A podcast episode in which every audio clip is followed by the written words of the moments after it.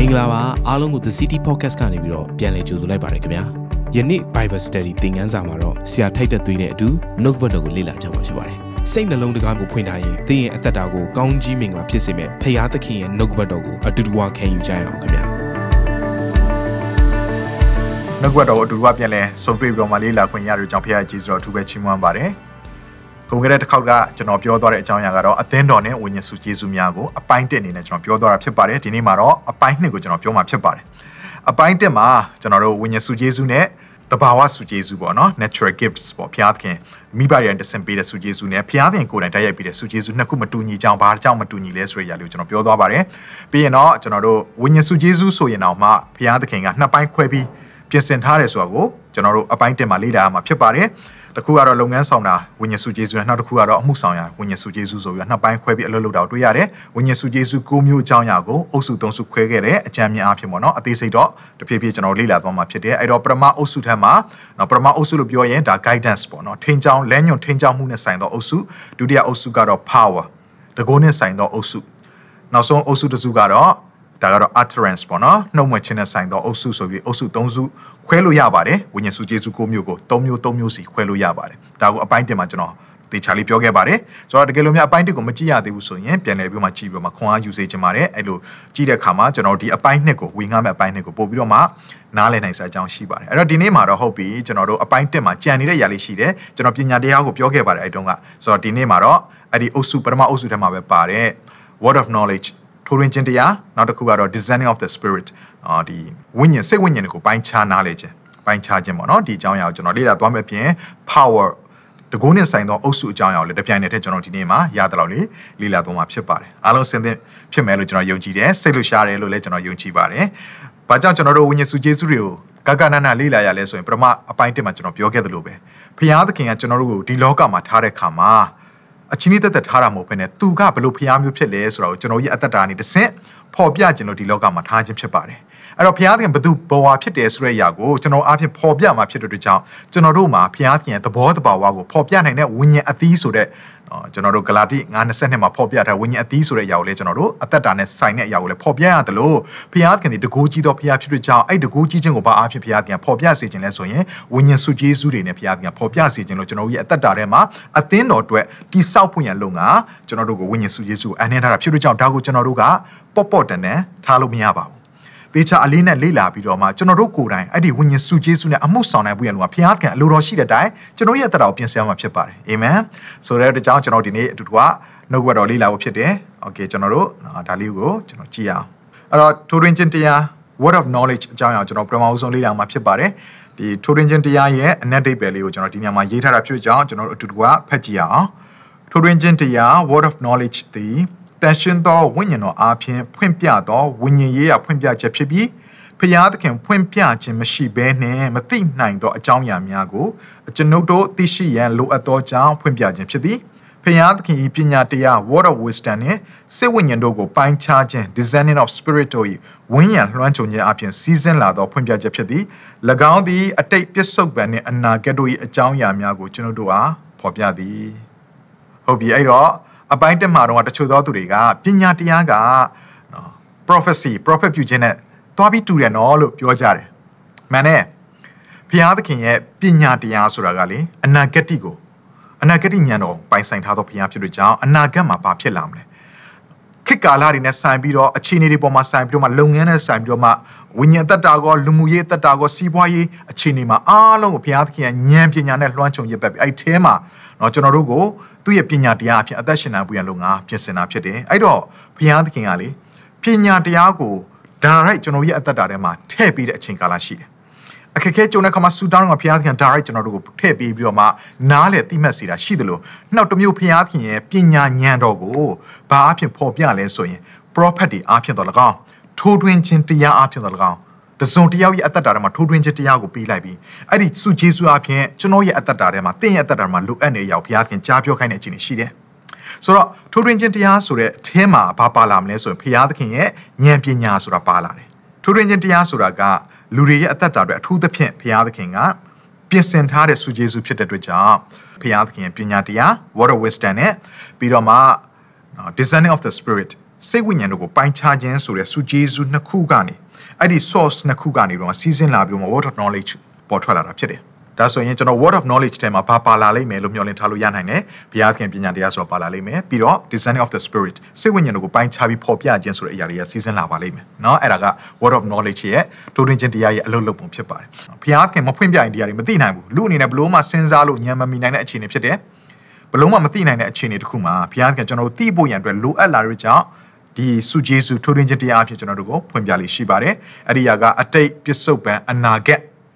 အတိတ်ကာလမှာဘာတွေဖြစ်ခဲ့လဲဆိုတာကိုလည်းထိုးထွင်းခြင်းတရားနဲ့ဖော်ပြလာတယ်လို့ပစ္စုပန်မှာဘာဖြစ်နေတယ်ဆိုလဲထိုးထွင်းခြင်းတရားအဖြစ်ဘုရားတရားဖော်ပြတယ်။အဲ့လိုပဲအနာဂတ်မှာဘာဖြစ်လာအောင်မလဲဆိုတာကိုလည်းထိုးထွင်းခြင်းတရားအဖြစ်ဖော်ပြတယ်။ဒီလိုပြောတဲ့ကြောင် prophet ပြုချက်နဲ့သွားဆိုင်နေသွားပြီးတော့မှတူညီနေတယ်လို့ထင်စရာကြောင်းရှိတယ်။ဒါပေမဲ့တဖြည်းဖြည်းနဲ့နောက်အဆုံးသက်ထိကျွန်တော်တို့လိုက်ပြီးနားထောင်လာမယ်ဆိုရင်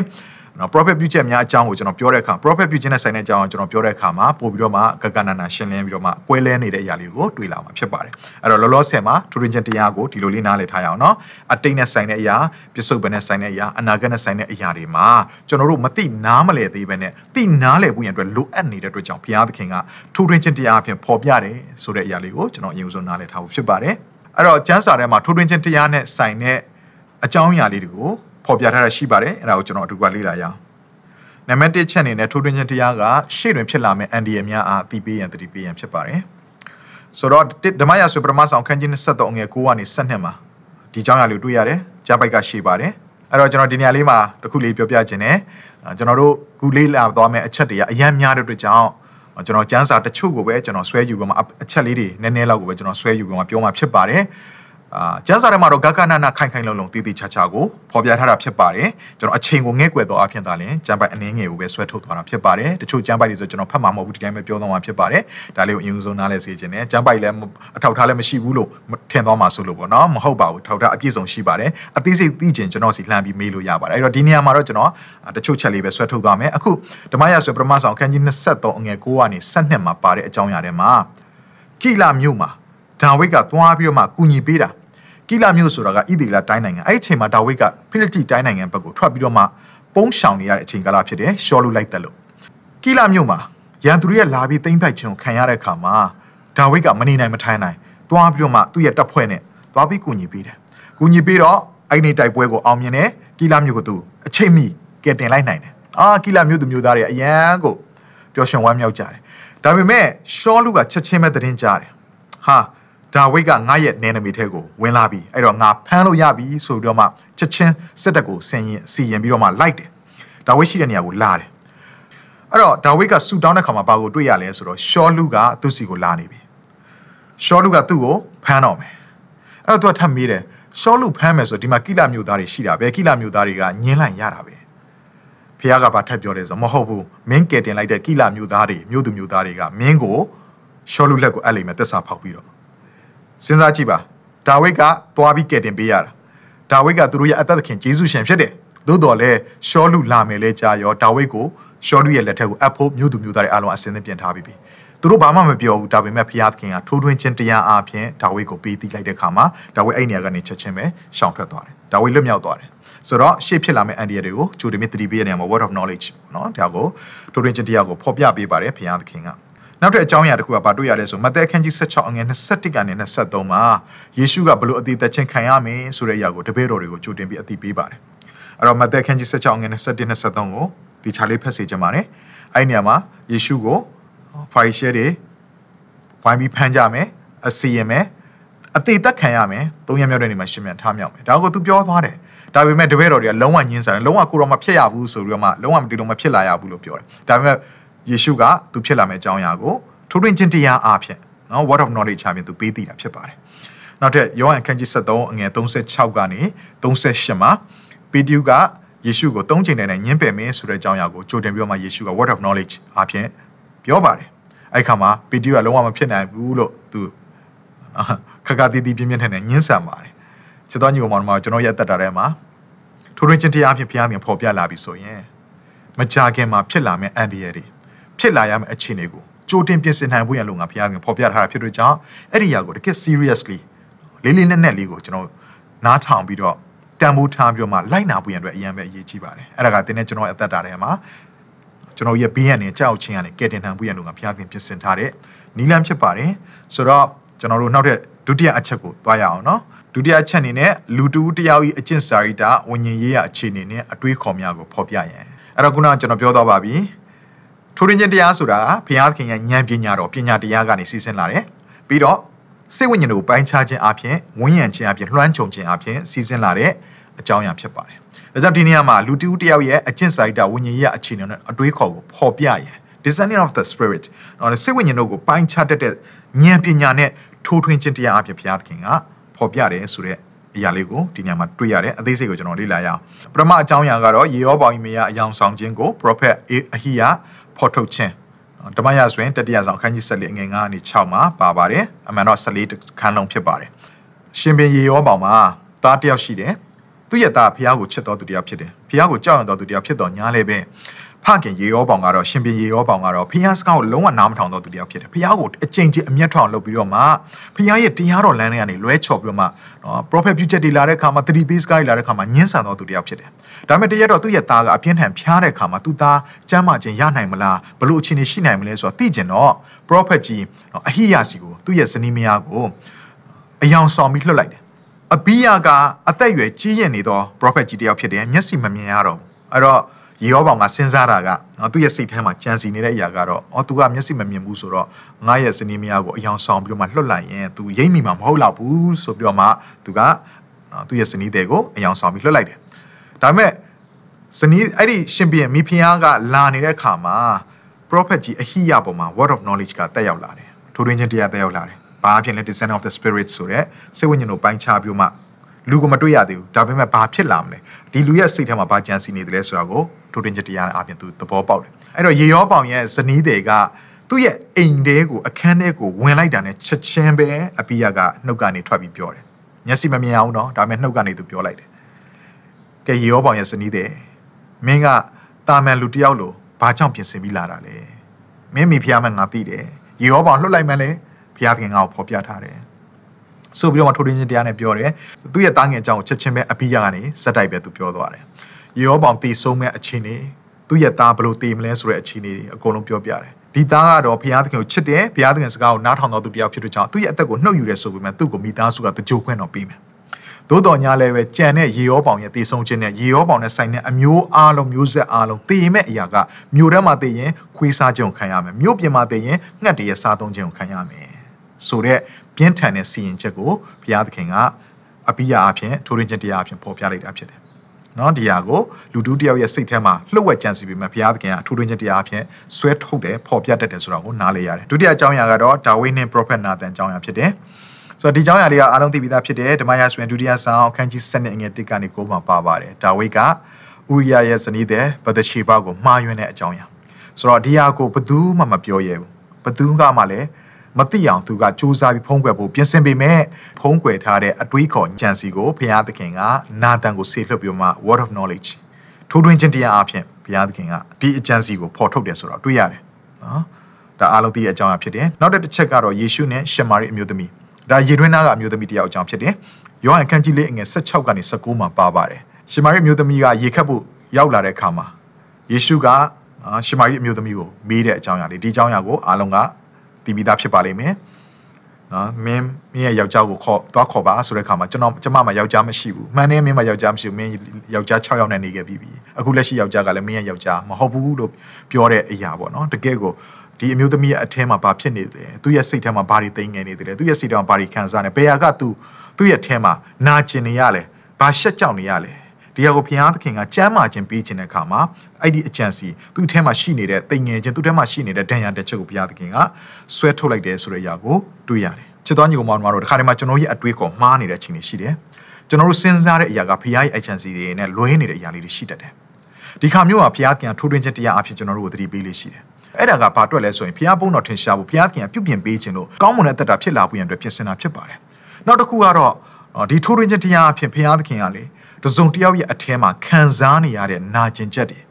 နာကြည့်ချက်တွေကိုဘုရားသခင်ကဆွဲထုတ်ပြီးတော့မှအဲ့ဒီနေရာမှာဘုရားသခင်ကျမ်းမာခြင်းကိုထည့်ပေးခြင်းလို့ဖြစ်တယ်ဟာလေလုယာတခါတည်းမှာဘုရားသခင်ကဒီလူရဲ့အနာဘသူ့ဘုံမှာဖော်မပြနိုင်ဘူးကျွန်တော်ရဲ့အသက်တာမှာခံစားဘူးမှာပါကိုယ့်ရဲ့အတွင်းကြတဲ့ခံစားချက်ကိုကိုယ့်ရဲ့စနီးတဲ့ကိုယ့်ရဲ့ခင်မွန်းတဲ့အောင်တော့မပြောပြတဲ့မသိခိုင်းထားတဲ့တကယ်ဘဝရဲ့နာကြီးချက်နာကျင်ချက်တွေကျွန်တော်ရဲ့အထင်မှာတင်ထားလေးရှိတယ်။ဒါပေမဲ့အဲ့ဒီအရာကကျွန်တော်ရဲ့ ဝိညာဉ်ကြီးကကြီးထွားပွင့်ရလုံးကအနှောက်အယှက်ဖြစ်နေတဲ့အခါမှာ ဘုရားသခင်ရဲ့မျက်မှောက်တော်ခံစားပွင့်ရလုံးကအစီတာဖြစ်နေတဲ့အခါမှာဘုရားသခင်ကထိုးထွင်းခြင်းတရားအပြင်ကျွန်တော်ရဲ့အထဲမှာရှိနေတဲ့ဒီနာကျင်ခြင်းတွေကိုဘုရားလက်ထဲမှာအနံပွင့်ရလုံးကဘုရားသခင်ဆွဲထုတ်လေးရှိတယ်။အဲ့ခါမျိုးမှာကျွန်တော်တို့ဝမ်းနဲ့ပက်လက်နဲ့ငိုကြွေးရတယ်။ကျွန်တော်ရဲ့အသက်တာထဲမှာကျွန်တော်ရဲ့အသက်တာမှာထိုးထွင်းခြင်းတရားအပြင်အမှုဆောင်ရတဲ့အခြေအနေအများကြီးရှိပါတယ်။အဲ့ဒီထိုးထွင်းခြင်းတရားအပြင်ဘုရားသခင်ကဒီလာပြီးဆူတောင်းခံတဲ့သူရဲ့အသက်တာထဲမှာသူကွယ်ဝှက်ထားတဲ့ဖုံးကွယ်ထားတဲ့အရာတွေကိုဆွဲထုတ်ခိုင်းတဲ့အခါမှာအဲ့ဒီလူကနှလုံးသားကြေကွဲစွာနဲ့ငိုယိုပြီးဘုရားသခင်ရဲ့ထံတော်တိုးဝင်လာပြီးတော့မှအဲ့ဒီနေရာမှာပဲဘုရားရဲ့မြတ်တာကိုကြီးမားစွာခံစားပြီးစိတ်သက်လူသက်နဲ့ပြောင်းလဲခြင်းကိုမြင်တွေ့ရပါတယ်ဘုရားနာမတော်ကြီးပုံကြီးပါစေဒါကြောင့်ထိုးထွင်းခြင်းတရားကလေလူတွေကိုအမှုဆောင်နိုင်ဖို့ရလို့ကအကောင်ဆုံးသောလက်နက်ဖြစ်တယ်ဘုရားခင်ပြင်ဆင်ထားတဲ့ကောင်းကြီးမင်္ဂလာဖြစ်တယ်စုကျေးဇူးဖြစ်တယ်ချစ်တော်ညီကောင်မောင်တို့ဒါကြောင့်သင်ရဲ့တက်တာမှာထိုးထွင်းခြင်းအဖြစ်တစုံတယောက်သောသူကလာပြီးကူညီပေးဖို့ရတဲ့လိုအပ်သလိုသင်ရဲ့တက်တာမှာထိုးထွင်းခြင်းတရားအဖြစ်လည်းသူတို့ဘာရဲ့အသက်တာထဲမှာအိုးခံစားနေရတဲ့ခံစားချက်တွေနာကြီးချက်တွေလွတ်မြောက်ဖို့တော့မကောင်းတဲ့အကြံစီတွေကနေပြီးဘုရားခင်ပြုပြင်ခြင်းခံရပြီးတော့မှမှန်ကန်တဲ့တက်တာနဲ့အသက်ရှင်ရှောက်လန်းနိုင်ဖို့ရတဲ့ဘုရားခင်တင့်အဖြစ်အသုံးပြုခြင်းတာဖြစ်ပါတယ် ဘုရားနာမတော်ကြီးပုံကြီးပါစေတိကောခန်းကြီး14အငယ်25မှာပါတဲ့အကြောင်းအရာကိုဖတ်ကြည့်အောင်ထို့သောသူ၏စိတ်နှလုံး၌မထင်ရှားသောအရာတို့သည်ထင်ရှားပြန်၍သူသည်ပြက်ဝတ်လျက်ဘုရားသခင်ကိုကိုးကွယ်လိမ့်မည်ဘုရားသခင်သည်တင်တို့တွေအမှန်ရှိတော်မူသည်ဟုတသက်ခံလိမ့်မည်ဒီကြောင်းအရာကတော့မြုံကြည်သောသူကကျွန်တော်ရဲ့အတိုင်းဝန်းထဲကိုရောက်လာတဲ့ခါမှာအသင်းတော်ကိုရောက်လာတဲ့ခါမှာဒီထိုးထွင်းခြင်းတရားအဖြစ် prophet ပြုချက်တွေအဖြစ်သူ့ကိုပေါ်ပြတဲ့ခါမှာတဲ့သူ့အတွင်းနှလုံးသားထဲမှာဘယ်သူမှမသိအောင်ကွယ်ဝဲထားတဲ့အရာကပေါ်ထွက်လာတဲ့အရာ အားဖြင့်ဟာဘယ်သူမှမသိအောင်ငါတိမ့်ထားတဲ့အရာဘုရားသခင်သိပါလားဘုရားသခင်ကအသက်ရှင်တော်ဘုရားဖြစ်ပါလားဆိုတာကိုဒီစုကျေးဇူးအဖြစ်သူတို့ဒီသိပြီးတော့မှပြတ်ဝဲလေဘုရားသခင်ကစစ်မှန်တော်ဘုရားဖြစ်တယ်ဆိုတာကိုတဲ့ကိုးကွယ်လာလိမ့်မယ်သိမှတ်လာလိမ့်မယ်ဆိုတဲ့အကြောင်းအရာလေးကိုတွေ့ရပါတယ်ဒါကြောင့်ဒုတွင်ချင်းတရားကကျွန်တော်တို့ရဲ့အကျင့်စာရိတ္တဝိညာဉ်ရဲ့အခြေအနေအတွေးခေါ်တွေကိုဖော်ပြပွင့်အတွက်ဘုရားခင်အသုံးပြုတဲ့စုကျေးဇူးဖြစ်တယ်နောက်တစ်ချက်ကိုကျွန်တော်တို့ကကြည့်ရအောင်နံပါတ်3ချက်အနေနဲ့ထိုတွင်ချင်းတရားကလူတူတယောက်ဤခေါ်ခြင်းသို့မဟုတ်အလုတ်ကိုအတီးပြုရန် အဲ့တော့ဒီနေရာမှာဘာကြောင့်တွေ့ရလဲဆိုရင်ယေရှုအားနှစ်ချင်းစီယာယောဟန်မှာအတီးပြုပေးခြင်းယောဟန်အခန်းကြီး1အငယ်36မှာဒီလောကရဲ့အပြစ်ကိုဆောင်သွားမယ်တိုးတငယ်ကိုကြည်ပါဆိုပြီးတော့မှယေရှုကအပြစ်တွေကိုဆောင်သွားမယ်သူဖြစ်တယ်ကယ်တင်မဲ့သူဖြစ်တယ်ဆိုတဲ့အရာကိုနှစ်ချင်းစီယာယောဟန်ကအတီးပြုပေးတယ် word of knowledge အဖြစ်တကယ်တော့နှစ်ချင်းစီယာယောဟန်ကသူကတရားဟောဆရာဖြစ်တယ် teacher ဖြစ်တယ်အင်္ဂလိပ်ဆရာဖြစ်တယ် အဲ့လိုမျိုးပြောလို့ရပါတယ်ဒါပေမဲ့သူ့စီမှာထူးထွင်းခြင်းတရားကအဲ့ဒီချိန်မှာတက်ရောက်လာတယ်ဆိုတော့ကိုတွေ့ရတယ်ဒီထူးထွင်းခြင်းတရားအပြင်ယေရှုခရစ်တော်ကဘလို့ခေါ်ခြင်းခံရတယ်လဲသူ့ရဲ့အလုပ်ကဘာတွေလုပ်မလဲဆိုတော့ကိုဖော်ပြသွားတာဖြစ်တယ်နောက်ထပ်ယောဟန်ခန်းကြီး1အငယ်40ခွန်ကနေ49မှာယေရှုကတပည့်တော်တွေကိုရွေးချယ်တဲ့အခါမှာနသနီလကိုသူနော်အတီးပြုတ်ပေးတယ်နသနီလကတင်မောသဖန်းမြေအောက်မှာထိုင်နေတဲ့အကြောင်းရနသနီလကဘလောက်နှလုံးသားကယူသားဖြူစင်နဲ့ဖြောင့်မတ်တယ်ဆိုတဲ့ຢာကိုဘုရားသခင်ယေရှုခရစ်တော်ဘုရားကအတီးပြုတ်ပြီးတော့မှပြောကြတယ် နော်နောက်ထပ်တစ်ချက်ကတော့ပေါလုအားဘုရားသခင်ခေါ်ခြင်းကိုအာနနိအားဖြင့်အတည်ပြုပေးခြင်းဒီကြောင့်ကတော့ဓမ္မတော်ဝတ္ထုအခန်းကြီးကိုအငယ်ဆက်ခွန်မှာတွေ့ရမှာဖြစ်တယ်အဲ့ဒီချိန်မှာပေါလုကဓမ္မသက်မြို့ကိုခရိယန်တွေကိုညှင်းဆဲပွင့်အတွက်ပွားနေတဲ့အချိန်ဖြစ်တယ်ဓမ္မသက်လမ်းမှာအလင်းတက်ရောက်လာပြီးတော့မှ ပေါလုကမျက်စိကွယ်သွားတယ်ဆိုတော့ဒီမျက်စိကွယ်ပြီးတော့မှသူဘာမှမမြင်ရပဲစောင့်နေတဲ့အချိန်မှာဘုရားသခင်ကအာနနိကိုဖွင့်ပြပြီးတော့မှ word of knowledge ကိုဘုရားသခင်ပေးလိုက်တယ်မင်းကိုစောင့်နေသူရှိတယ်ဓမ္မသက်မြို့မှာသူစီကိုသွားပါသူ့ပေါ်မှာလက်ကိုတင်ပါဆူတောင်းပေးပါဝိညာဉ်တော်နဲ့ပြည့်ငါပြည့်စီမယ်သူ့ကငါအင်္ဂလိပ်တရားဝေငါဝင်တွေငါပြင်ဆင်ထားတယ်ဆိုပြီးတော့မှအာနနိကထိုးထွင်းခြင်းစုကျေးဇူးအပြင်ပေါ်လုစီကိုသွားပြီးတော့မှအစီခံပေးတယ်ဆိုတဲ့အရာကိုကျွန်တော်တို့နှုတ်ကွက်တော်တွေမှာတွေ့မြင်ရတာဖြစ်ပါတယ် အဲ့တော့တင်းရဲ့အသက်တာထဲမှာဘုရားသခင်ရဲ့ခေါ်ခြင်းဘုရားသခင်ကတင့်ကိုဘယ်လိုအလုပ်လုပ်စေခြင်းလဲတင်းရဲ့အလုံးနဲ့သက်ဆိုင်ပြီးတော့ဘုရားသခင်ပြောခြင်းတဲ့အခါမှာဘုရားသခင်ဒီထိုးထွင်းခြင်းတရားအဖြစ်ပြောပါတယ် ဒါကြောင့်တစုံတယောက်တော့သူကတင့်ကိုလာပြီးဆူတောင်းပြီးတဲ့အခါမှာတင်းရဲ့အလုံးနဲ့ဆိုင်တဲ့အရာနောက်ပြီးတင်းရဲ့ခေါ်ခြင်းနဲ့ဆိုင်တဲ့အရာကိုပြောလာပြီးဆိုရင်တင်နားလဲမယ်။အော်ဒါထိုးထွင်းခြင်းတရားအဖြစ်ငါ့ကိုအမှုဆောင်နေတာပဲဆိုတော့တင်နားလဲရမှာဖြစ်တယ်လို့တင်ကလည်းတခြားသောသူစီမှာဘုရားသခင်ဖွင့်ပြလာတဲ့အခါမှာအလုံးနဲ့ဆိုင်တဲ့အကြောင်းအရာတွေသူ့ကိုဘုရားသခင်ဘယ်လိုခေါ်ထားလဲဆိုတော့ခေါ်ခြင်းတဲ့အကြောင်းအရာနဲ့ပြောလာပြီးဆိုတော့ဒါက prophet ပြုချက်မဟုတ်ဒါကထိုးထွင်းခြင်းတရားအဖြစ်သူ့ပေါ်မှာအမှုဆောင်ပေးနေတယ်ဆိုတော့ကိုဝေပြချာနာဆိုတော့ကျွန်တော်တို့နားလည်နိုင်ဖို့ရန်အတွက်ကျွန်တော်ဒီအရာလေးကိုပြောပြခြင်းဖြစ်ပါတယ်။အဲ့တော့နောက်တစ်ချက်ကိုကြည့်ရအောင်နော်။နောက်နံပါတ်၄ချက်အနေနဲ့ ထိုးတင်ခြင်းတရားကိုဖခင်ကဘာကြောင့်ပေးလဲဆိုရင်ဆူတောင်းခြင်းလိုအပ်ကြောင်းကိုဤစုကျေးဇူးအဖြစ်ဖော်ပြခြင်းအဲ့တော့မာကုခန်းကြီး14အငယ်29နဲ့31နှုတ်ကတော်အများကြီးရှိပါတယ်ဒါပေမဲ့ကျွန်တော်အချိန်မရမှာဆိုတဲ့အတွက်ကြောင့်တပိုက်ကိုပဲကျွန်တော်ဆွဲထုတ်ထားပါတယ်အဲ့ဒါကတော့ယေရှုကတပည့်တော်တွေကိုအနံမဲ့ကြောင်းရာကိုဖော်ပြတယ်အဲ့တော့ယေရှုခရစ်တော်ဘုရားကဒီချိန်တိုင်းကအရန်အရေးကြီးတဲ့ချိန်ကာလဖြစ်တယ်မကြာခင်မှာသူအနံခံရတော့မယ်အကြီးကျယ်စိတ်ပြက်ခြင်းက နော်တပည့်တော်ရဲ့ထဲမှာရောက်လာတော့မှဒါကိုခံနိုင်ရရှိဖို့ဆူတောင်းဖို့အရန်လိုအပ်နေတယ်ဆိုတဲ့အရာကိုသိနိုင်ဖို့ရလို့ငါထိုးထွင်းခြင်းတရားဖြင့်ဖော်ပြတာဖြစ်တယ်ဒါကြောင့်သင်ကထူးထူးချင်းတရားအဖြစ်ဖျားသခင်ဖော်ပြတဲ့အကြောင်းအရာကိုရလာပြီဆိုရင်သင်အနေနဲ့နောက်ထပ်သင်ပြင်ဆင်ထားမယ့်အရာပါလဲဆိုရင်ငါဆူတောင်းရမယ့်အချိန်ဖြစ်တယ်ဆိုတော့ကိုတပါးတည်းနားလည်ရမှာဖြစ်တယ်အာမင်ဒီဟာအဖြစ်ကျွန်တော်တို့ဒီကြုံတွေ့ရမယ့်အခက်အခဲကိုကြော်လွားအောင်မြင်နိုင်ဖို့ရအတွက်ခွန်အားစွမ်းသတ္တိကိုရရှိလာမှာဖြစ်တယ်ကြိုတင်ဝိညာဉ်နယ်ပယ်ထဲမှာကျွန်တော်တို့ကကြိုတင်ပြင်ဆင်ပေးတာဖြစ်သွားလိမ့်မယ် ဘာအဖြစ်လဲဆိုရင်ထိုးထွင်းခြင်းတရားအဖြစ်ကျွန်တော်တို့ဘယ်လိုဆူတောင်းအောင်လဲဆိုဘုရားသခင်ကပေးသိလိုက်တာဖြစ်တယ်เนาะနောက်တစ်ချက်ကတော့နံပါတ်5ချက်အနေနဲ့အမှုတော်မြတ်အတွက်လိုအပ်ချက်များအားထောက်ပံ့နိုင်ရန်ဖော်ပြခြင်းဆိုတဲ့သဘောတရားကဘုရားသခင်လုပ်တဲ့အလုပ်တွေမှာအမှုရာတွေမှာ materials တွေเนาะကျွန်တော်တို့အသုံးဆောင်ပစ္စည်းတွေအစားအသောက်တွေတစုံတစ်ခုလိုအပ်နေတဲ့အရာအခြေအနေလေးတွေလိုအပ်နေတဲ့အရာလေးရှိတယ်အဲ့လိုအပ်တဲ့အရာတွေအတွက် word of knowledge ထိုးထွင်းခြင်းတရားဖြင့်ဘုရားသခင်ကဖော်ပြလေးရှိပါတယ် ဒီမှာဆိုရင်ဘာကြောင့်အတွေ့ရလဲဆိုရင်ပသက်ခါပွဲကျင်းပရင်လိုအပ်သောနေရာနဲ့အသုံးဆောင်များအတွက်တပည့်တော်များအားယေရှုခရစ်တော်မှလက်ညွှန်ချက်ပေးခြင်းမာကုအခန်းကြီး14အငယ်7ကနေ16အဲ့တော့ယေရှုခရစ်တော်ဘုရားကတပည့်တော်နှစ်ယောက်ကိုဆေလို့ပြီးတော့မှမင်းတို့သွားပါအဲ့မှာယေအိုးထမ်းတဲ့သူတယောက်ကိုတွေးလိုက်မယ်အဲ့ယေအိုးထမ်းတဲ့သူနောက်ကိုလိုက်သွားလိုက်သူအိမ်ရောက်တဲ့ခါမှာငါသခင်က ညစာစားပွဲအတွက်ပတ်သက်ကာပွဲကျင်းပရတဲ့အတွက်နေရာလုံနေတယ်လို့ပြောလိုက်ပါအဲ့ခါကျရင်သူနေရာပေးလိမ့်မယ်ဆိုတဲ့အတိုင်းသူပြောတဲ့အတိုင်းပဲပြင်ဆင်ထားတဲ့အထက်ကန်ကိုသူတို့နေရာရတယ်ဆိုတော့တွေ့ရတယ်ဒါကြောင့်ဘုရားသခင်အလုပ်ထဲမှာဘုရားသခင်လှုပ်ဆောင်တဲ့အမှုရာထဲမှာလိုအပ်ချက်တွေရှိလာတတ်တယ် အသုံးဆောင်ပစ္စည်းမှစ၍နေရထိုင်ခင်းမှစ၍အခြေအနေတွေထောက်ပံ့တဲ့အရာတွေလိုအပ်ပါတယ်အဲ့ခါမျိုးကြရင်ဘုရားသခင်ကဘလို့နီးလန်းအဖြစ်တရားတွေရနိုင်တယ်လဲဆိုတာကိုထိုးထွင်းချစ်တရားအဖြစ်ဘုရားသခင်ဖော်ပြလေးရှိပါတယ်နောက်ထပ်တစ်ခုကတော့ရှောလူရဲ့ဖခင်ပျောက်သွားတဲ့နော်မီးတွေကိုပြန်ရှာတွေ့ရရှမွေလကနေဖော်ပြတာဖြစ်တယ်ဓမ္မရာဆိုပရမဆောင်အခန်းကြီး30အငယ်1ကနေ16ဖြစ်တယ်ရှောလူကသူ့ရဲ့အဖေပျောက်နေတဲ့မီးတွေကိုလိုက်ရှာတဲ့အခါမှာရှမွေလနဲ့တွေ့တယ်ရှမွေလကသူ့ကိုထိုးထွင်းခြင်းတရားအဖြစ် ဘလို့အခြေအနေမျိုးနဲ့ဘလို့ပုံစံမျိုးနဲ့သူ့ရဲ့မိတွေကိုပြန်ရှာတွေ့မလဲဆိုတာကိုအသေးစိတ်ညွှန်ကြားတယ်ဒါပေမဲ့အဲ့အချိန်မှာတပြိုင်နက်တည်းဖခင်ကဘာနီးလဲအဖြစ်လှုပ်ဆောင်ပေးလဲဆိုရင်ရှောလူရဲ့အသက်တာလုံးဝပြောင်းလဲသွားဖို့ရန်လုံငါတကယ်ရှင်ပင်တယောက်ဖြစ်လာဖို့ရန်အတွက်လိုအပ်တဲ့ဗိသိက်နဲ့တော့သူ့ရဲ့လှုပ်ဆောင်နိုင်ခြင်းအစွမ်းတတိရလာဖို့တော့ဝိညာဉ်တော်ကိုစီလွတ်မဲ့အကြောင်းအရာတွန်းလောင်းမဲ့အကြောင်းအရာပဲတခါတည်းပဲ word of knowledge ထဲမှာထိုးထွင်းခြင်းတရားထဲမှာရှမွေလအဖြစ်ဘုရားကစီလွတ်ပေးလိုက်တယ်အခုလေ့လာသွားတဲ့အရာကဒါကထိုးထွင်းခြင်းတရားဖြစ်တယ်အဲ့တော့ကျွန်တော်တို့ဒီ guidance လို့ခေါ်တဲ့ လမ်းညွန်ထိန်ချောင်ပဲ့ပြင်ခြင်းအုပ်စုထဲမှာပညာတရားရှိတယ်ထိုးရင်းခြင်းတရားရှိတယ်အခုနောက်ဆုံးအရာကတော့ဘာလဲဆိုရင်စိတ်ဝိညာဉ်တို့ကိုပိုင်းခြားခြင်းဒီကြောင်းအရာကိုကျွန်တော်တို့ထပ်ပြီးလေ့လာရအောင်စိတ်ဝိညာဉ်တို့ကပိုင်းခြားခြင်း discerning of spirits အဲ့မှာ spirit မှာအသေးနဲ့လည်းရေးထားတယ် s လည်းထည့်ထားတယ်ဒါကြောင့်အများဖြစ်တယ်ဝိညာဉ်အများဖြစ်တယ်ဆိုတော့နားလည်ဖို့ဖြစ်တယ်အဲ့တော့ကျွန်တော်တို့ကဒီနေရာမှာသူ့ရဲ့ definition လေးကိုဖတ်ကြည့်အောင်ဤစုကျေးဇူးသည်တန်ရှင်သောဝိညာဉ်တော်အပြင်ဝိညာဉ်လောကထဲသို့ခဏတာမြင်တွေ့နိုင်ရင် ဖော်ပြပြီးတော့တဘာဝလွန်ပိုင်းခြားနိုင်သောဉာဏ်ပညာဖြစ်သည်၎င်းသည်ဖျားသခင်ထံမှလာသောကောင်းကင်တမန်များနှင့်၎င်းတို့၏ကုညီအမှုဆောင်ခြင်းများအားသိရှိမြင်တွေ့နိုင်ရန်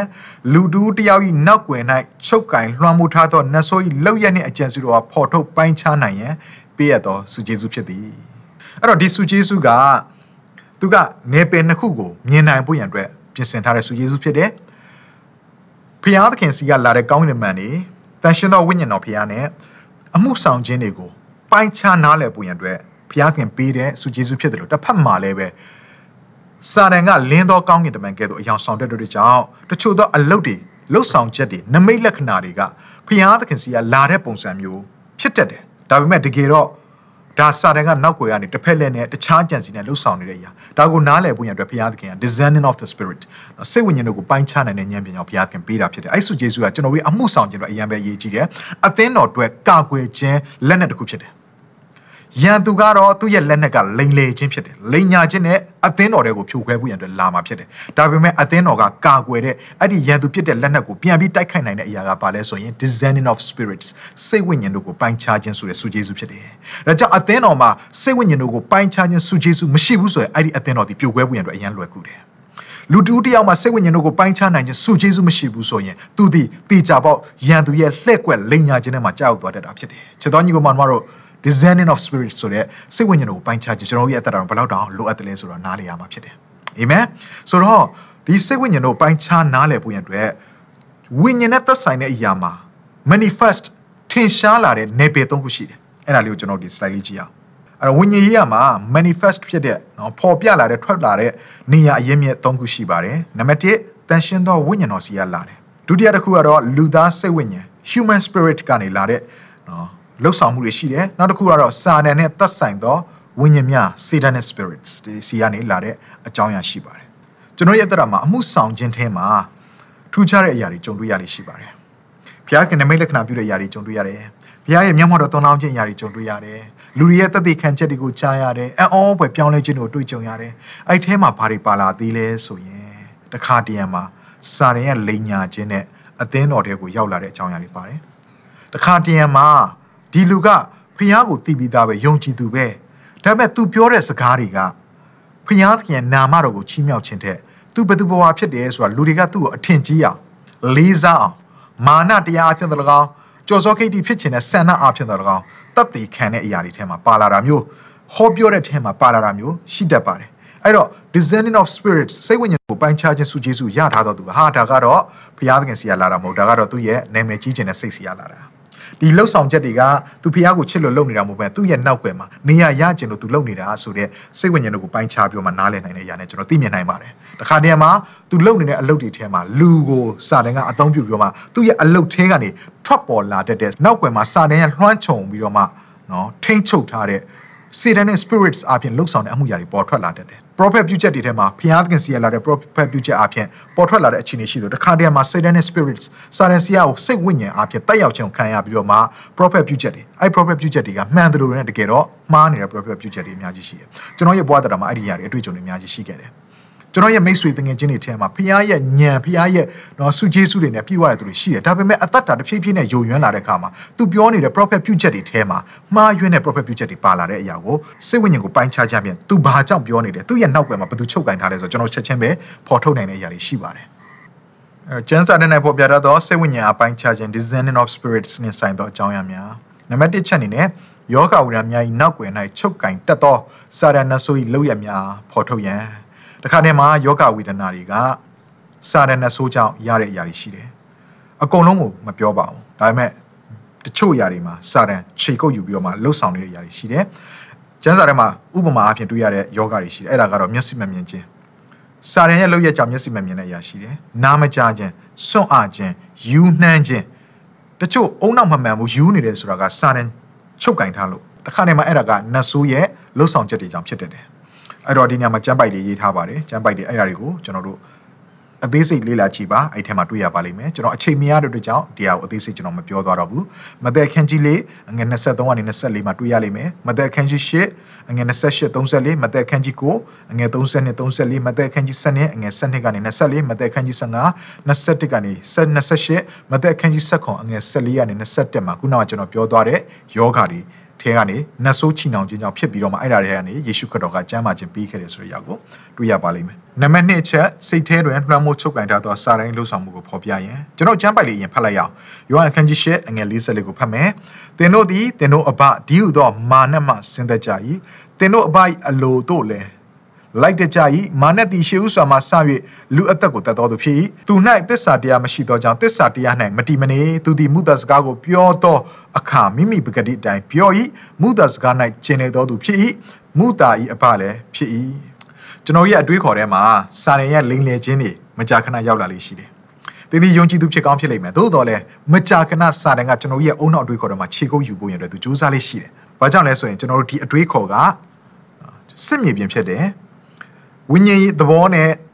နတ်ဆိုးရဲ့သဘောအမြဲတမ်းတိုက်လှန်ရတဲ့စစ်မြေပြင်ဖြစ်တယ်။ဇာတိပဂတိစိတ်သဘောနဲ့ဝိညာဉ်ပဂတိစိတ်သဘောအမြဲတမ်းတိုက်လှန်ရတဲ့ background ဖြစ်တယ်။ဒါကြောင့်စာတန်ကလိန်ညာတဲ့စကားတွေကိုအမြဲတမ်းကျွန်တော်ရဲ့အတွေးခေါ်ထဲမှာထည့်ပေးလေးရှိတယ်။ဒါကြောင့်ခုနကဖတ်သွားတဲ့ကျမ်းပိုက်ရာစာတန်ကမုတာရဲ့အပါဖြစ်တယ်တဲ့။လိန်ညာတတ်တော်သူဖြစ်တယ်။သစ္စာတရားလုံးဝမရှိတော်သူဖြစ်တယ်။မုတာတော့အပေါင်းတို့ရဲ့အပါဖြစ်တယ်။ဆိုတော့သူ့ထဲကထွက်လာသမျှရာအလုံးဒီလိန်ညာတဲ့စကားတွေပဲ။ ဒါကြောင့်ကျွန်တော်ရဲ့အတွေးခေါ်ထဲမှာကျွန်တော်ရဲ့ဖြစ်ခြင်းယေရှုခရစ်တော်အပြင်ကျွန်တော်ရဲ့ဖြောင့်မတ်ခြင်းဖျားခင်သားသမီးဖြစ်ခြင်းဆိုတဲ့ identity ကိုလာရောက်ထိခိုက်စေမဲ့လိမ်လည်ခြင်းတွေရောက်လာတယ်။ဥပမာဖြင့်မင်းကအတုံးမကျသောသူဖြစ်တယ်။မင်းကဘာမှတုံးစားလို့မရတော့သူဖြစ်တယ်။မင်းကတော့ကြောင်ထိုးခံရတော့သူဖြစ်တယ်။မင်းမှာဘာအစွမ်းတတ္တိမှမရှိဘူး။မင်းရဲ့ဘဝကတော့ပျက်စီးမဲ့ဘဝဖြစ်တယ်။စသဖြင့်ပေါ့လေကျွန်တော်ရဲ့စိတ်တက်ကြအောင်ကျွန်တော်တို့စိတ်အားငယ်အောင်ဤမျိုးစုံနဲ့ရောက်လာတတ်တဲ့အတွေးခေါ်တွေအဲ့ဒါကစာရန်စီကလာတဲ့မူတာစကားတွေဖြစ်တယ် အဲ့တော့ဒီလိုအချိန်ခါမျိုးမှာကျွန်တော်တို့ကစိတ်ဝိညာဉ်ကိုပိုင်းခြားခြင်းစုကျေစုအပြင်ဒါကတော့စာရန်စီကလာတာဖြစ်တယ်ဖျားစကားလုံးဝမဟုတ်ဘူးဆိုတာနားလေသဘောပေါက်ပြီးတော့မှကျွန်တော်တို့ကဖျားရဲ့စကားကိုရွေးယူရမှာဖြစ်တယ်နံပါတ်3ချက်အနေနဲ့စာရန်ဤအမှုထမ်းများနဲ့၎င်းတို့၏လောက်ရများအားဖော်ထုတ်နိုင်ရန်ဆိုတော့ကျွန်တော်ကျမ်းပိုက်လေးကိုအတူကဖတ်ရအောင်ထိုအရမလူ၏လာခြင်းအကြောင်းဟုမူကားစာရန်ပြုပြင်သောအားဖြင့်မုတာနှင့်ဆက်ဆိုင်သောထူဆန်းသောတကုနမိတ်လက္ခဏာ အံ့ပွေသောအမှုမျိုးမျိုးနှင့်၎င်းဖြစ်စည်းခြင်းတို့ရောက်သောသူတို့တွင်မတရားသောလှည့်ပြားခြင်းအမျိုးမျိုးနှင့်၎င်းလာကြလိမ့်မည်တဲ့ဒီနေရာမှာတွေ့ရလဲချစ်တော်ညူမောင်တို့အသင်းတော်တွေကိုရောက်လာသောသူတွေမှာတချို့သောသူတွေကယုံကြည်သူဖြစ်တယ်လို့လို့နဲ့အမှုတော်ဆောင်နေလို့လို့နဲ့နှုတ်ကပတ်တော်ကိုတလွဲပြောနေသူတွေအများကြီးပဲ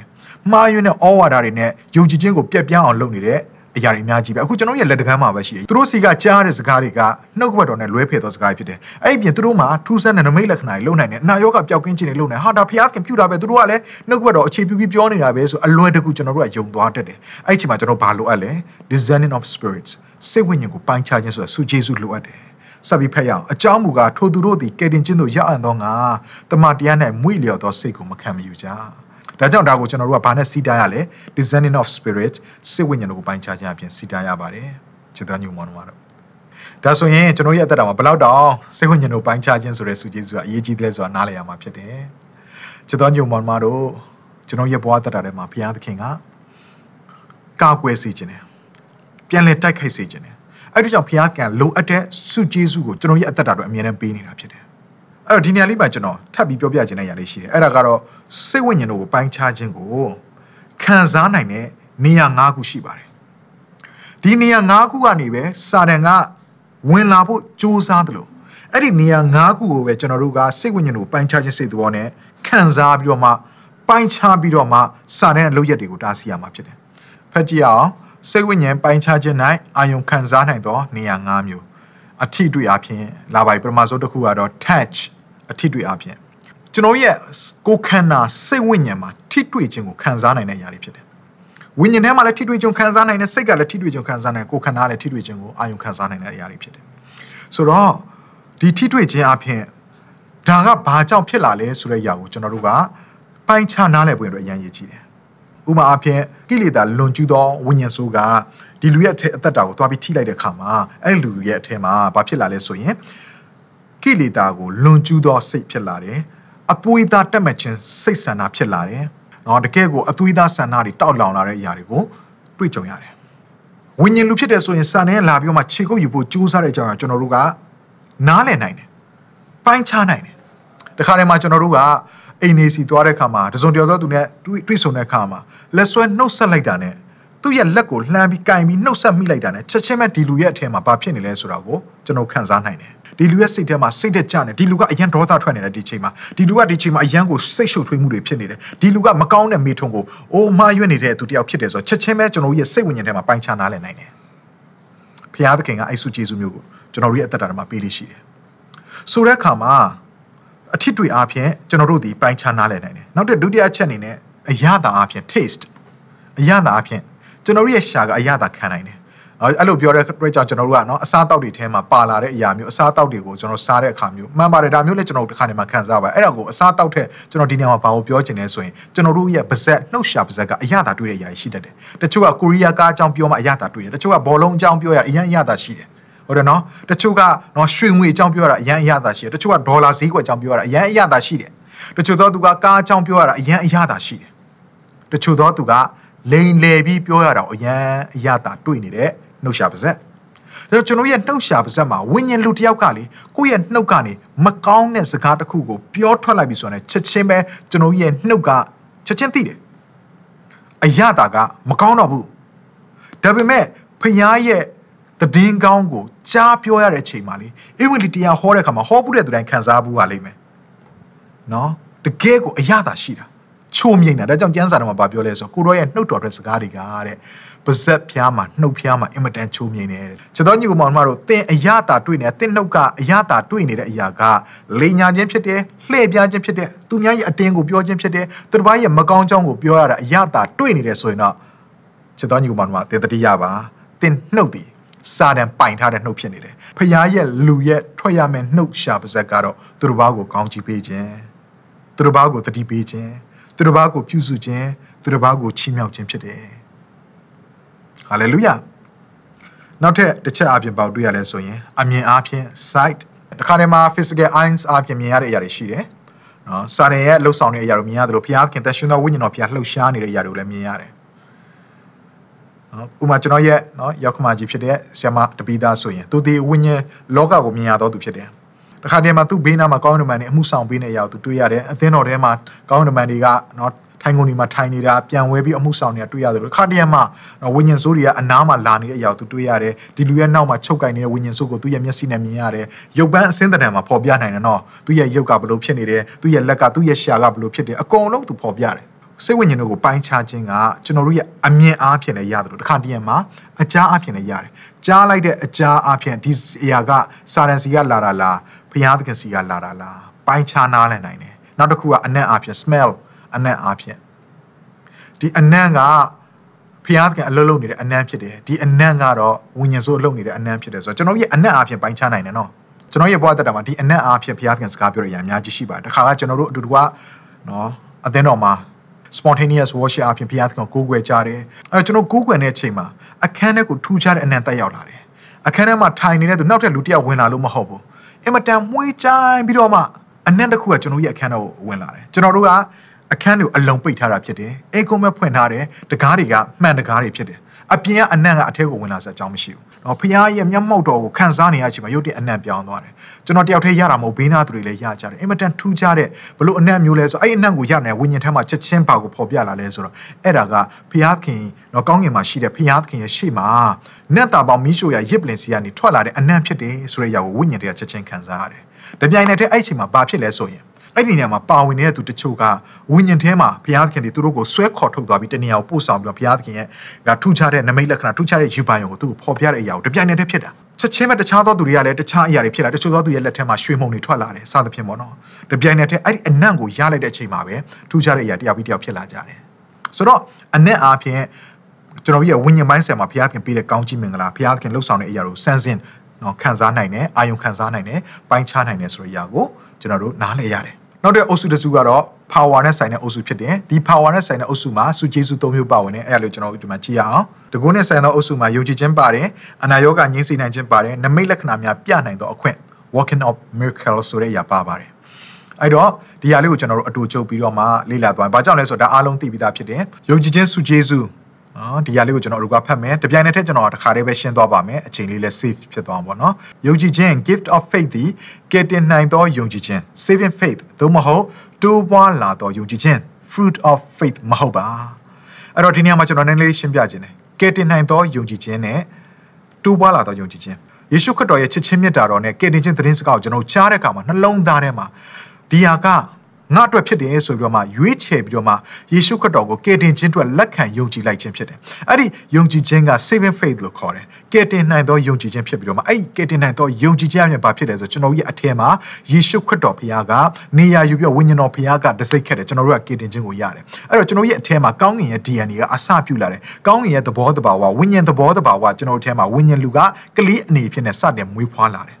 အဲ့ကနေတဆင်းမှာနောက်ထပ်တဖြည်းဖြည်းနဲ့ဒီကလေးအရွယ်ရောက်လာတဲ့ခါမှာဝิญဉ်ကြီးအသက်တာတဖြည်းဖြည်းကြီးရင်လာတဲ့ခါမှာအစပြုခဲ့တဲ့ကယ်တင်နိုင်သောယုံကြည်ခြင်းပေါ်မှာထက်ဆင့်ပြီးတော့မှတိုးပွားလာသောယုံကြည်ခြင်းဆိုတာဖြစ်လာတယ်။ဥပမာအဖြစ်ဆူတောင်းခြင်းအဖြစ်ငွေကြေးဆင်ပြေသွားတဲ့ခါမှာဟာဘုရားသခင်ကငွေကြေးကိုထောက်ပံ့ပေးနိုင်သောဘုရားဖြစ်တယ်ဆိုတော့ယုံကြည်နိုင်သွားတယ်။အခက်အခဲပြဿနာဖြစ်တဲ့ခါမှာဆူတောင်းခြင်းအဖြစ်ဘုရားသခင်ထွက်မြောက်လမ်းကိုပြင်ဆင်ပေးတဲ့ခါမှာဟာဘုရားသခင်ကထောက်ပံ့ပေးနိုင်သောဘုရားဖြစ်တယ်ဆိုတော့ယုံကြည်နိုင်သွားတယ်။စသဖြင့်ပေါ့နော်အတွေ့အကြုံတွေအဖြစ်ဖြတ်တန်းရင်းဖြတ်တန်းရင်းမှာယုံကြည်ခြင်းကတဖြည်းဖြည်းတိုးပွားလာတယ်။ ဒါပေမဲ့ gift of faith ယုံကြည်ခြင်းစုကျေးဇူးကတော့အဲ့နှစ်ခုနဲ့မတူပါဘူးသူကကြတော့တီးတန့်ဘုရားသခင်စီကထပ်ပြီးတော့မှတက်ရောက်လာတဲ့စုကျေးဇူးဖြစ်တယ်ကျွန်တော်ဆက်ပြီးဖတ်ရအောင်ဒီနေရာမှာ၎င်းသည်ဘုရားသခင်သားသမီးများအတွက်အန်ဒီယယ်မှကာကွယ်ရန်သို့မဟုတ်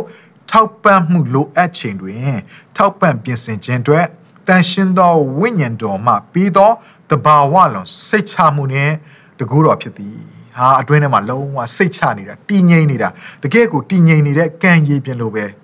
လှုပ်ရှားခြင်းမရှိဘဲနဲ့ငြိမ်သက်နေတာဘုရားသခင်ထောက်ပံ့ပေးနိုင်တယ်ဘုရားသခင်ဒီအန်ဒီယေကနေကာကွယ်ပေးနိုင်တယ်ဆိုတဲ့ယုံကြည်ခြင်းမျိုးအဲ့ဒီຢာကိုဘုရားသခင်ကလိုအပ်တဲ့ချိန်မှာတန်ရှင်တော်ဝိညာဉ်တော်ဖြင့်ကျွန်တော်အထက်မှာပေးတယ်ဆက်ပြီးဖတ်ကြည့်ရအောင်ထိုရာသည့်ယုံကြည်သူများအတွက်ကောင်းကြီးမင်္ဂလာဖြစ်စေပြီးယံသူများအတွက်တရားစီရင်ခြင်းဖြစ်စေသည်တစ်ဖက်မှာယုံကြည်သူအတွက်ကောင်းကြီးမင်္ဂလာဖြစ်တယ်လို့တစ်ဖက်မှာက စာနန်နဲ့နတ်ဆိုးအပေါင်းပါတွေယံသူတွေအတွက်တရားစီရင်ခြင်းဖြစ်သွားတယ်တဲ့ဖတ်ကြည့်အောင်ဆက်ပြီးတော့ယုံကြည်ခြင်းသည်နတ်ဆိုးဝိညာဉ်များကို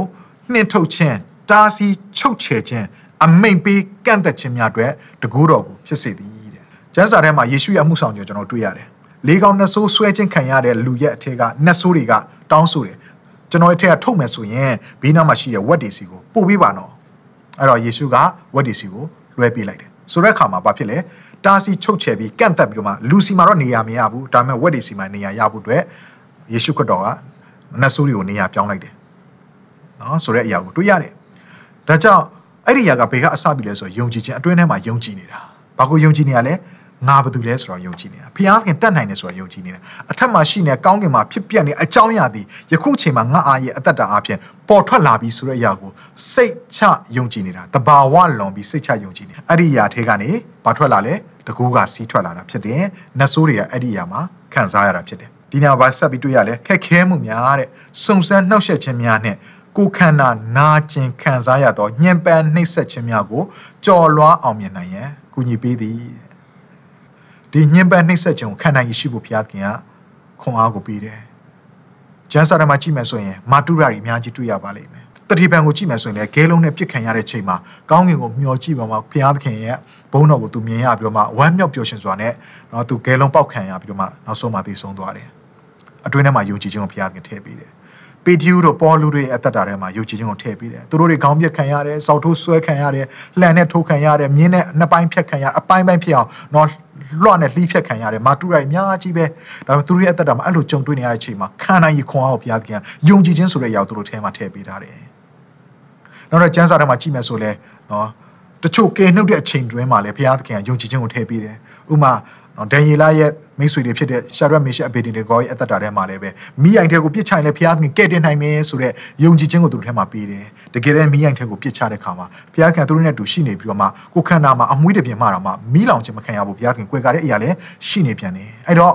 ခက်ခဲခြင်းနှိပ်စက်ခြင်းပင်ပန်းခြင်းတွေရောက်တဲ့အချိန်မှာဘုရားခင်ဒီကျွန်တော်ရဲ့ထဲမှာယုံကြည်ခြင်းပြီးတယ်ဆိုတာတွေ့ရတယ်။နောက်ထပ်ဆုကျေးဇူးကိုကျွန်တော်သွားရအောင်နော်။ယုံကြည်ခြင်းဆုကျေးဇူးပြီးတဲ့နောက်မှာ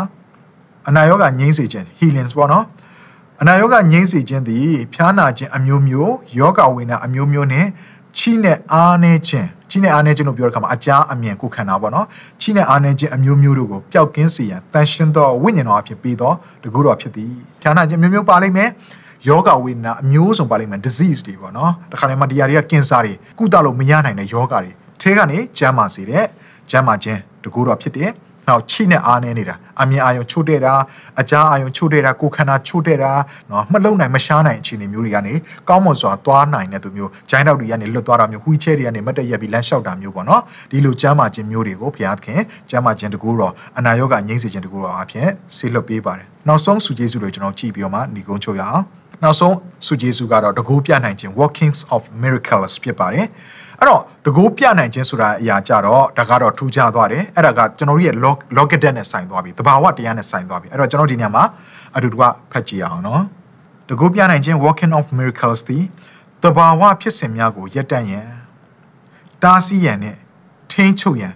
တန်ရှင်းသောဝိညာဉ်တော်အဖြစ်ပေးရသောစုကျေးဇူးဖြစ်သည်တဘာဝတရားတွေကသူ့ရဲ့ဖြစ်စဉ် ပုံမှန်ဖြစ်လေဖြစ်တာရှိနေတဲ့အနေအထားတွေရှိတယ်။ဒါပေမဲ့လိုအပ်လာတဲ့ချိန်မျိုးမှာဘုရားသခင်ကနမိတ်လက္ခဏာကိုဖြစ်စေတယ်။အဲ့ဒါကဘာလဲဆိုတော့တဘာဝတရားကိုဂျားကနေ interrupt လုပ်လိုက်တဲ့အရာမျိုးပေါ့နော်။ဥပမာဖြစ်ကျမ်းစာထဲမှာဘယ်သူတွေ့ရလဲဆိုရင်ယောရှုနဲ့ကာလက်တို့ကအမောရီလူတွေကိုတိုက်တဲ့ခါမှာမိုးချုပ်တော့မယ်မိုးချုပ်သွားရင်ဒီလူတွေကထွက်ပြေးတော့မှာရန်သူတွေကထွက်ပြေးရင်သူတို့ဒီပွဲကိုဒီတိုက်ပွဲကိုအောင်နိုင်တော့မှာမဟုတ်အဲ့တော့ယောရှုကဘာပြောလဲနေကိုရက်တန့်စေတယ်အဲ့တော့နေကရက်နေတယ်နေဝင်တော့မဲ့ဆစ်စင်မှာနေကမဝင်မဲနဲ့ရက်နေတဲ့ခါမှာနောက်ဆုံးလူတွေရန်သူတွေအကုန်လုံး ရှင်းရှင်းဖြတ်စီးပြီးတဲ့အချိန်ကြမှာနေရဝင်သွားတယ်ရှင်မြေဟေစကီကလည်းသူတည်တော့မဲ့အချိန်မှာဘုရားခင်ပဲသူပြန်လှည့်တယ်နောင်တရတယ်သူ့ရဲ့အဖြစ်တွေဝင်ချတောင်းမယ်တဲ့အခါမှာသူ့ရဲ့အသက်ကိုဘုရားကရှေ့ခွင့်ပေးလိုက်တယ်အဲ့ဒီရောက်ကို